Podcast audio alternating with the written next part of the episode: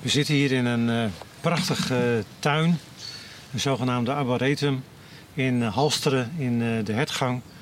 En vanmiddag hebben we daar onze volgende sessie over vaderschap. Een prachtig gebied, je hoort de vogels op de achtergrond, je ziet de prachtige bomen in deze tuin. Een mooi gebied om ook een wandeling in te maken. Dat hebben we ook net gedaan. Uh, Johan, je bent sinds ruim een jaar nu uh, vader. Vader van Joppe. We zitten al twee op de schommel. Dus we zijn schommelende vaders. Ja. Vaders in beweging, zowel ja. jij als, als ik. De vraag die bij mij naar boven komt wat betekent vaderschap uh, nu voor jou?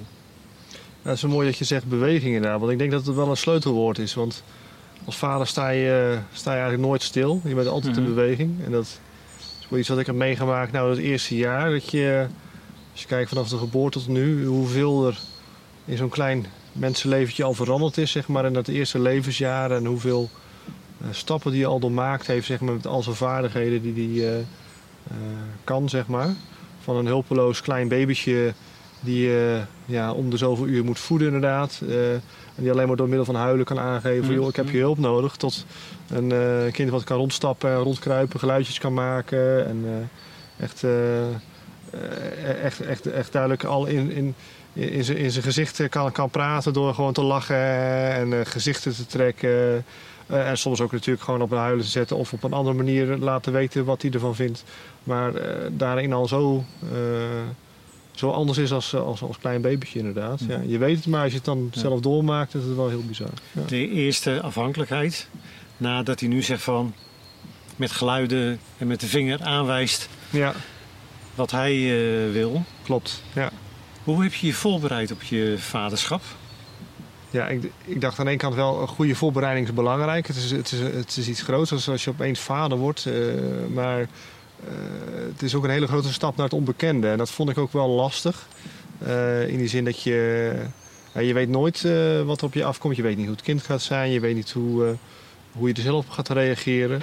Ehm, maar aan de andere kant moet je daar ook in, berusten. Want je kan heel veel lezen. En ik heb best wel dingen gelezen. Maar aan de andere kant... Ehm, ja, moet je ook gewoon dingen durven doen. En... Het is vooral vaak in je eigen hoofd dat je als je dingen doet en het pakt niet goed uit, dat je het verkeerd doet, bij wijze van mhm. spreken. Maar uh, vaak wordt het kind helemaal niet zo ervaren. Nee. Uh, dus dat is denk ik wel een grote les, dat je gewoon dingen moet durven doen. En ja, dat we straks eigenlijk het voorgesprek ook een beetje zeiden van uh, de onhandigheid die je daarbij ervaart. Dat je weer een beetje een soort van onderaan de ladder zit. Terwijl je eigenlijk al uh, zoveel denkt, best wat levenswijze, maar dat je eigenlijk daarin nog qua groei nog helemaal onderaan staat. Dat je nog zoveel moet leren en dat je dat ook mag leren. Dat eigenlijk, ja. Mhm. Wat, wat heeft jouw zoon je het meeste geleerd? Um, nou, wat, ik, uh, wat ik vooral bijzonder vond is dat ik, uh, en dat ik pas ook met andere ouders over, dus dat je als je een klein kind hebt, dat je met hem mee probeert te kijken. En dat je ook de wereld probeert te ontdekken vanuit zijn oogpunt. Dus dat je echt weer de dingen vanuit als nieuw zeg maar, gaat meekijken. Dat je probeert in te leven in zijn leefwereld en daarmee ook leert weer opnieuw van dingen te genieten. Hele simpele dingetjes en dat je daar ook... Ehm, ja, dat je ook snapt wat er dan in zo'n kindje omgaat, zeg maar. Dat je weet wat je, wat je zoon daarin uh, ervaart of zo. Of probeert uh, dat te snappen, inderdaad. Ja. Had je het op, op deze manier zo verwacht? Vaderschap, om op deze manier vader te zijn?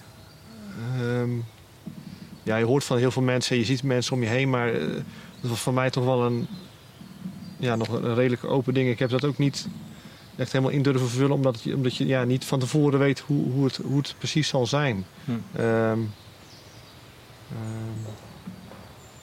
dus ja, ik heb het ook wel een beetje op me af laten komen in die zin, hm. inderdaad. Maar uh, ja, dat gaat soms met vallen opstaan. Maar ja, we moeten leren dat je die ruimte ook gewoon hebt om dat uh, op die manier te kunnen doen. Maar vanaf onderaan de ladder zonder ervaring beginnen. Dus eigenlijk uh, de hele overgang van niet vader zijnde naar ja.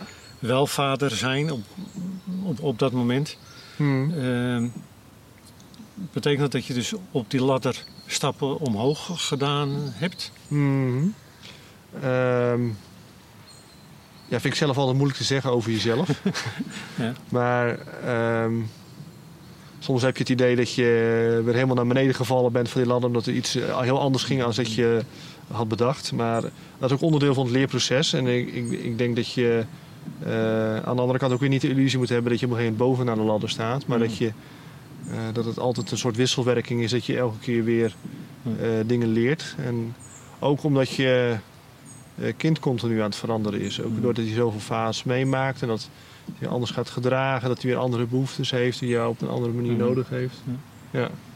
Hoe, hoe ziet de perfecte vader eruit?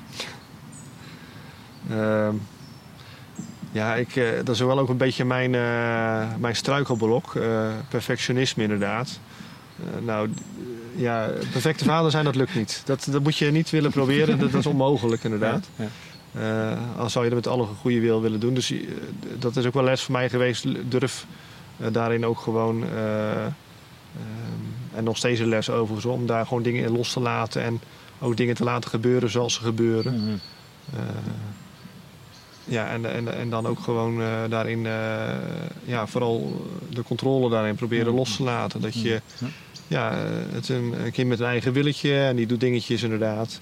En soms zijn het hele leuke dingen en soms zijn dat minder leuke dingen. En Mhm. je probeert daarin eh, als ouder natuurlijk wel eh, bij te sturen, maar eh, Mhm.